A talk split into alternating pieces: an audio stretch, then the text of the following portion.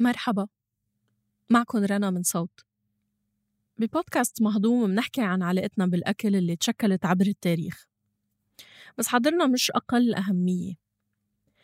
الجائحة وكل شي رافقها من ضيق اقتصادي أثروا بأكلنا وبوصولنا للمواد الغذائية. يعني قلبولنا عيشتنا بشكل عام. بس نحن كيف تكيفنا مع الموضوع؟ هل مثلا واسينا حالنا بالأكل أو نسدت نفسنا؟ هل اكتشفنا مواهب جديدة بالطبخ ولا ما قربنا صوب المطبخ نهائي؟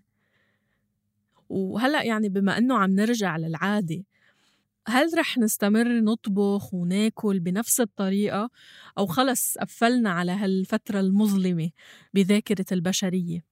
بحب أعزمكن على جلسة مهضومة أونلاين نحكي فيها عن كل هالأمور يعني اعتبروها هيك دردشة أو فشة خلق. فيكن تجيبوا نقرشات أو أي مشروبات بتحبوها وتنضموا لنا. بتلاقوا التفاصيل برابط التسجيل الموجود بالوصف. منشوفكن يا مهضومين. يلا نبدأ الحلقة.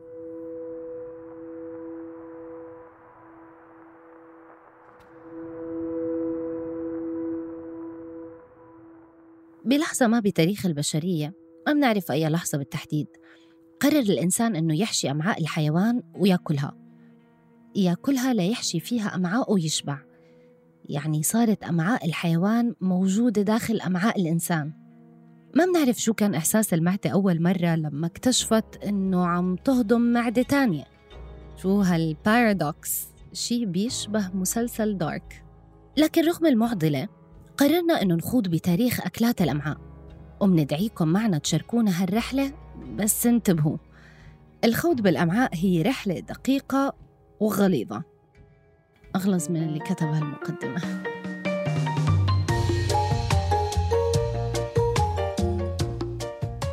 مرحبا فيكم بالحلقة 12 من بودكاست مهضوم من إنتاج صوت. بكل حلقة بنختار أكلات أو مكونات من مجتمعاتنا. نحكي عن تاريخها وعن علاقتنا فيها. رح نخلي الطبق اللي قدامنا قبل ما يشفي جوعنا يحكي لنا أكتر نحن مين. هي الحلقة بعنوان الخوض بالأمعاء. مين عباله أكلة الكروش والفوارغ وأمعاء الخروف المحشية؟ صراحة ما توقعت حدا يكون ماسك أمعاء الخروف الدقيق المحشية رز وحاطط إيرفونز وعم يسمع بودكاست بس بغض النظر عن جيلنا الخسع ووفقا لأهلنا لأنه ما بنعرف نطبخ الكروش والأمعاء. بعدها هالأكلات محببة بالوطن العربي لدرجة إنه بمصر بيسموها الحلويات. الحلويات بترمز لكل أحشاء الخروف التي تؤكل لكن أهمها الممبار أو العصبان. يعني الأمعاء الدقيقة المحشوة بالرز واللحم والبهارات وأحيانا بالبندورة والخضار والحمص. وأكثر فترة تطبخ فيها حلويات الخروف وبتتقدم هي بفترة عيد الأضحى. طبعا لأنه هي الفترة اللي بيذبح فيها المسلمين الأضاحي ويمكن بيسموها الحلويات لأنها بتتقدم بالعيد مثل المعمول أو الكعك. لكن بعض المصريين بيعتقدوا أنه سبب تسمية أحشاء الخروف أو البقرة بالحلويات هي أنها أرخص ثمناً من اللحمة. فالفقير اللي مش قادر يشتري لحمة ليعمل عليها رز أو فتة بالعيد كان يشتري مصارين أو أمعاء ومن باب تعزية النفس سموها بالحلويات. يعني ليقول لنفسه الفقير إنه الأمعاء ألذ وأشهى وأحلى من اللحمة. هالتفسير ممكن أقرب للحقيقة خصوصاً إنه هالأكلات تعتبرت بفترة من الفترات أكل الفقراء لأنه الأغنياء كانوا يقرفوا ويحسوا أكل الأمعاء مش من مستواهم. وده لانهم من أشهر المطاعم اللي بتقدم النوع ده من الأكل اللي هو إحنا إحنا بالبلدي بنسميه مصمت. هو الحقيقة ما بقاش اسمه مصمت خلاص بقى اسمه فواكه اللحوم. هتفهموا ليه اسمه فواكه اللحوم. بلبنان الأمعاء أبعد ما يكون عن تسمية الحلويات. بالعكس بيسموه الغمة. والغمة هي العنوان العريض لطنجرة فيها كروش وفوارغ ومآدم وكل ما تيسر من الخروف. وسموها غمة لأنها أكلة صعبة التحضير. يعني اللي بيطبخها بيشعر بالغم والهم. وكمان شعور الغم على القلب ناتج عن الريحة السيئة والبخار اللي بيملي المطبخ لساعات طويلة. هلا هدول بنغسلهم كمان كثير منيح.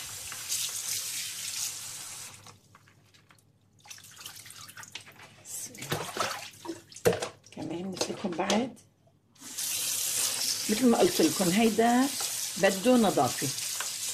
طيب لما بيكون نظيف.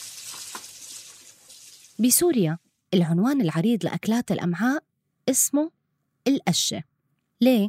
لأنه لما يطبخوا الأحشاء والأمعاء لازم كل شوي يقشوا أو يشيلوا الزفرة عن الوش. كل شوي يفتح الطنجرة ويقش الزفرة كمان شي بيخم على القلب.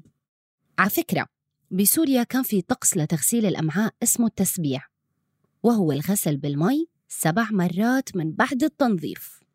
لأنه هي الطريقة الوحيدة ليتخلصوا من النجاسة. هيك كانوا يعتقدوا.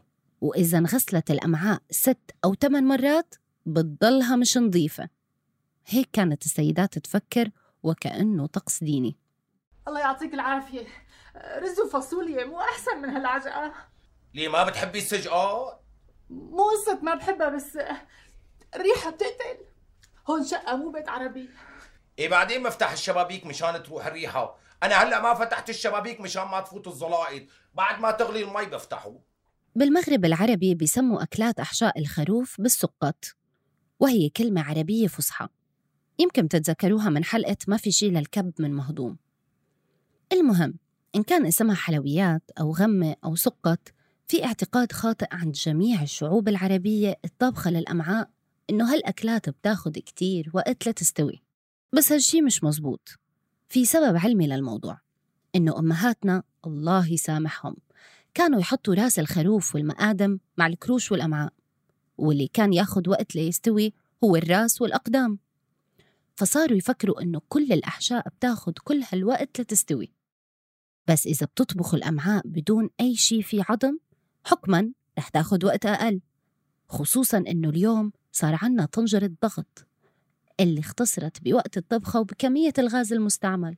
كمان اعتقاد سائد خاطئ إنه الأمعاء كانت معظم الوقت تنحشى بالرز واللحمة. بالأساس كانوا يحشوا الأمعاء بالبرغل والحمص لعدم توافر الرز ببلادنا لأنه ما منزرعه الرز واللحمة إجت بمرحلة لاحقة لما بلشنا نستورد رز ولما صارت اللحمة رخيصة وصار فينا نشتري لحمة مفرومة. قبل الرز والبرغل واللحمة المفرومة كان الإنسان يحشي الأمعاء بأعضاء الخروف الثانية يعني قلبه كبدة. بس ما هو أغرب شيء حشى به الإنسان أمعاء الحيوان ليأكله؟ الجواب الصحيح هو الدم. إيه دائما الإنسان بيفاجئنا على إصراره إنه ياكل كل شيء من الحيوان حتى الدم. كأنه دراكولا بيقربنا. وبعض المراجع بتقول إنه أقدم نقانق دم معروفة لإلنا موجودة عند الفراعنة. لما استخدموا الأمعاء ليحشوا فيها دم الذبائح اللي كانت تقدم للآلهة. لكن ما في دليل إنهم كانوا يأكلوا هالأمعاء. مثل ما حكت لنا الباحثة في تاريخ الطعام في مصر منة الله الدري. هو ما فيش قوي دليل على استخدام المصريين القدماء للأمعاء. في مناظر كتيرة لصناعة اللحوم مختلفة اللي بيشوي اللي بيعلق لحمة اللي بيذبح اللي بيغلي لحمة. ولكن لحشو الأمعاء مفيش أدلة للموضوع ده بس أكيد كانوا بيعملوا كده. ولكن سؤال دايما المصري القديم كان بيصور حاجات كتيرة قوي. فمنظر إن إحنا نعمل السجق ونعلقه ده مش مش موجود قوي في مصر القديمة. فدي برضو حاجة غريبة إن هم ما كانوش بيصوروه. في مناظر سؤال اللي هو هل القدماء المصريين كانوا بيستخدموا الدم في ال في ال في الحشو؟ في في مناظر من مصر القديمة بتوري العجل على ظهره مدبوح رقبته متعورة والدم بيسيل منه وشخص واقف ماسك وعاء صغير بيلم الدم. فالمنظر ده خلى ناس كتيرة قوي تقول إيه ده المصريين كانوا بيلموا الدم علشان يعملوا blood pudding أو حاجة كده. ولكن لما تفكري فيها عشان لما تيجي تذبحي عجل هينزل قد إيه دم؟ هينزل 10 15 كيلو دم. مش هتعرفي تلميهم في وعاء صغير. بالإضافة إن أنت عشان to exsanguinate الحيوان لازم تعلقيه علشان الدم كله يسيل منه. وإحنا ما عندناش مناظر للحيوانات متعلقة بالشكل ده. فيعتقد إن المناظر اللي فيه واحد واقف بيجمع الدم ده إن هي بيبقى ليها آه، دلالات دينية أو طقسية. على سبيل المثال ال- الذبح ده كتير قوي. المناظر دي بتبقى جاية من آه، أو بتصور ذبح متعلق ب قرابين بتقدم للإله. فبيبقى فيه كاهن بيبص على الدم ده علشان يشوف ال- العجل أو ال- القربان اللي بيتقدم ده آه، الجودة اللازمة لل- للمعبود أو للإله ولا لأ. وبالإضافة إن في في الوصفات ال- الطبية استخدام لل- للدم فقد يكون إن هم برضو بياخدوا شوية دم عشان يستخدم ل- للعلاج ايا كان العلاج. ولكن إن هم كانوا بيعملوا آه، سوسيس محشي دم أو نقانق بالدم دي ما عندناش أدلة ليها. يمكن الفراعنة ما استخدموا نقانق الدماء للأكل لكن في بلاد بعدها لليوم بتحشي الأمعاء بالدم وبتاكلها ويمكن أشهرها بريطانيا. اللي بتعمل نقانق محشية بدم الخنزير اسمها ال black pudding.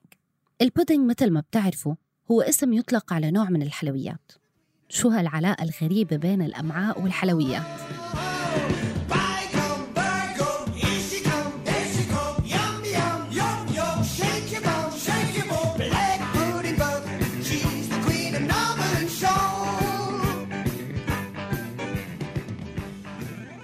طيب إذا الفراعنة ما كانوا أول ناس خاضوا الأمعاء وحشوها من الذي فعل ذلك؟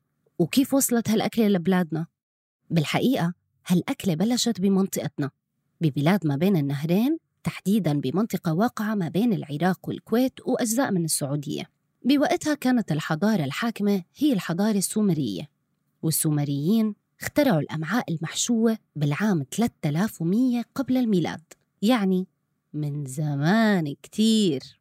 بس يمكن هالأكلات وصلت على بلاد الشام يعني سوريا ولبنان وفلسطين من وراء الحكم العثماني لأنه تركيا اخترعت السجق بالعام ألف قبل الميلاد. طيب يا ستي بس لهلأ ما عرفنا ليش الإنسان اخترع أكلات الأمعاء. ليه؟ لأنه الحاجة أم الاختراع. جد جد عم بحكي لكم. بوقتها ما كان في سوبر ماركت ودليفري لتطلب غزال بدل ما تصطاده فكان لازم تاكل كل شيء. هذا أولاً. وثانياً اكتشف الإنسان طريقة للحفاظ على اللحمة من خلال حشو الأمعاء وتقديدها باستخدام الملح والدخان أو تعليقها بالشمس كونه من زمان ما كان في وسائل لحفظ الطعام. وهالشي بيأكدوا الباحثين الغربيين اللي بيقولوا إنه كلمة سوسج إجت من كلمة سالسس يعني ملح باللاتيني اللي استخدم لحفظ اللحم. وبالتالي هالحاجة قسمت لنا أكل الأمعاء إلى قسمين. الأمعاء المحشية اللي بتحشى وتطبخ فوراً مثل الكروش والأبوات والسجقات والفوارغ والأمعاء اللي تحشى باللحم والبهارات وتقدد للأكل لاحقاً مثل السجق والنقانق والبسترمة والمرقاز.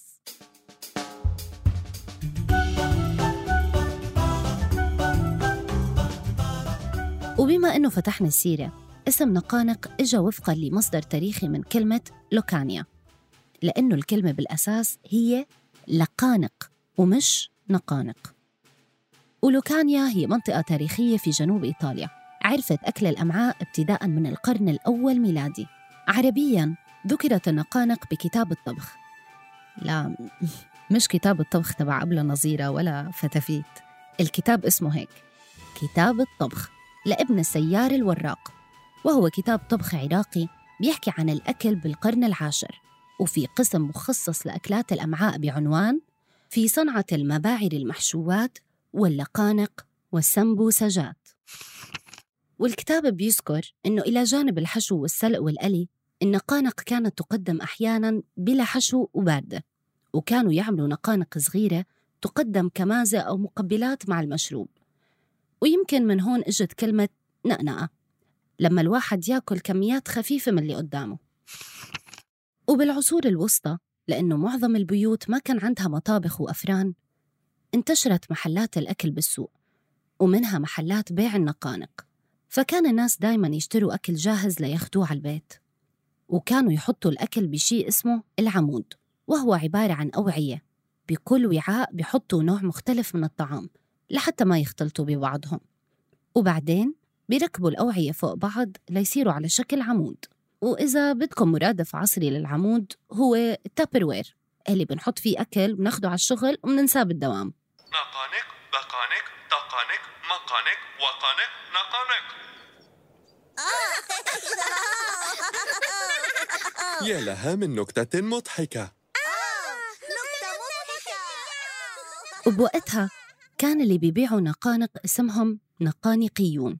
كانوا يبيعوا نوعين رئيسيين من أكلات الأمعاء. أولاً السخاتير.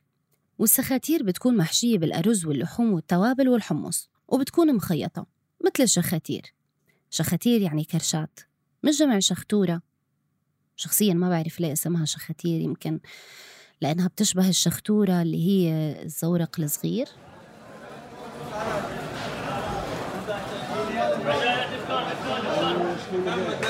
لازم 15 15 الدرزن على 15 أما النوع الثاني اللي كانوا يبيعوه النقانقيون فكان طبعاً النقانق أو السجق. وهي الأمعاء المحشية باللحم المتبل المعروفة حتى اليوم. النقانقيون بكل فخر. يمكن هم أول ناس اخترعوا الغش بالأكل والتسمم الغذائي. بهديك الفترة كان في مهنة اسمها المحتسب. والمحتسب شغلته يجول بالسوق ويراقب التجار ليتأكد إنه ما عم بيغشوا وما عم بيخالفوا الشريعة.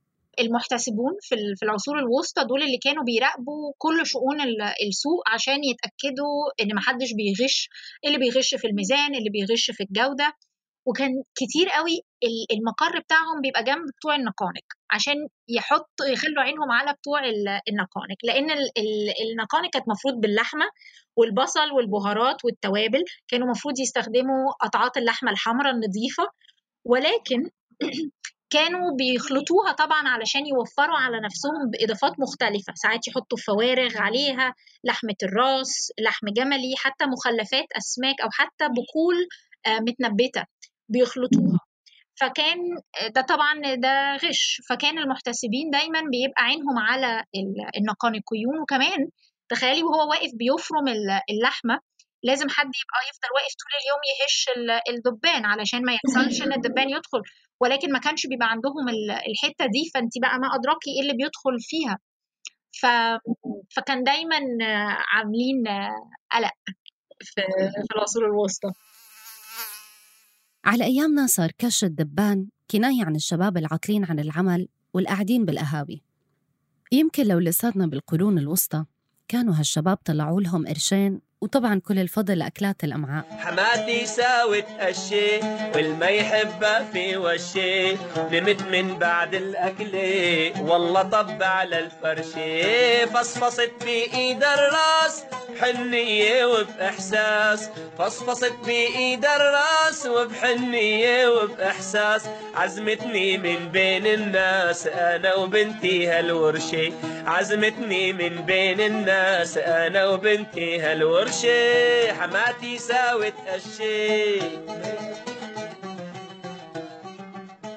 هاي كانت نبذة تاريخية سريعة عن أكلات الأمعاء اللي في منها كتير أصناف وأسماء ما منلحق نحكي عنها بحلقة مهضومة واحدة. بس من اليوم ورايح لما تنعزموا على طبخة كروش وفوارغ وسجقات وتكون كتير طيبة ويسألوكم عن رأيكم وتقولوا أوه أكلة تاريخية؟ بتكونوا عم تعطوا معلومة صحيحة ومش مجرد رأي.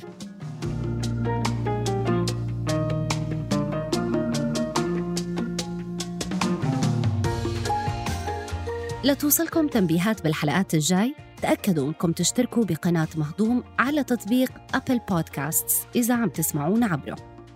هي الحلقة كانت بحث جيدة حمام كتابة عبد الرحيم العوجي تحرير رنا داوود ومونتاج تيسير قباني.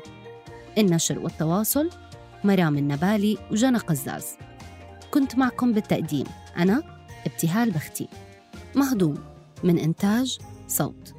عشان تدعموا استمرارنا اشتركوا بصوت بلاس.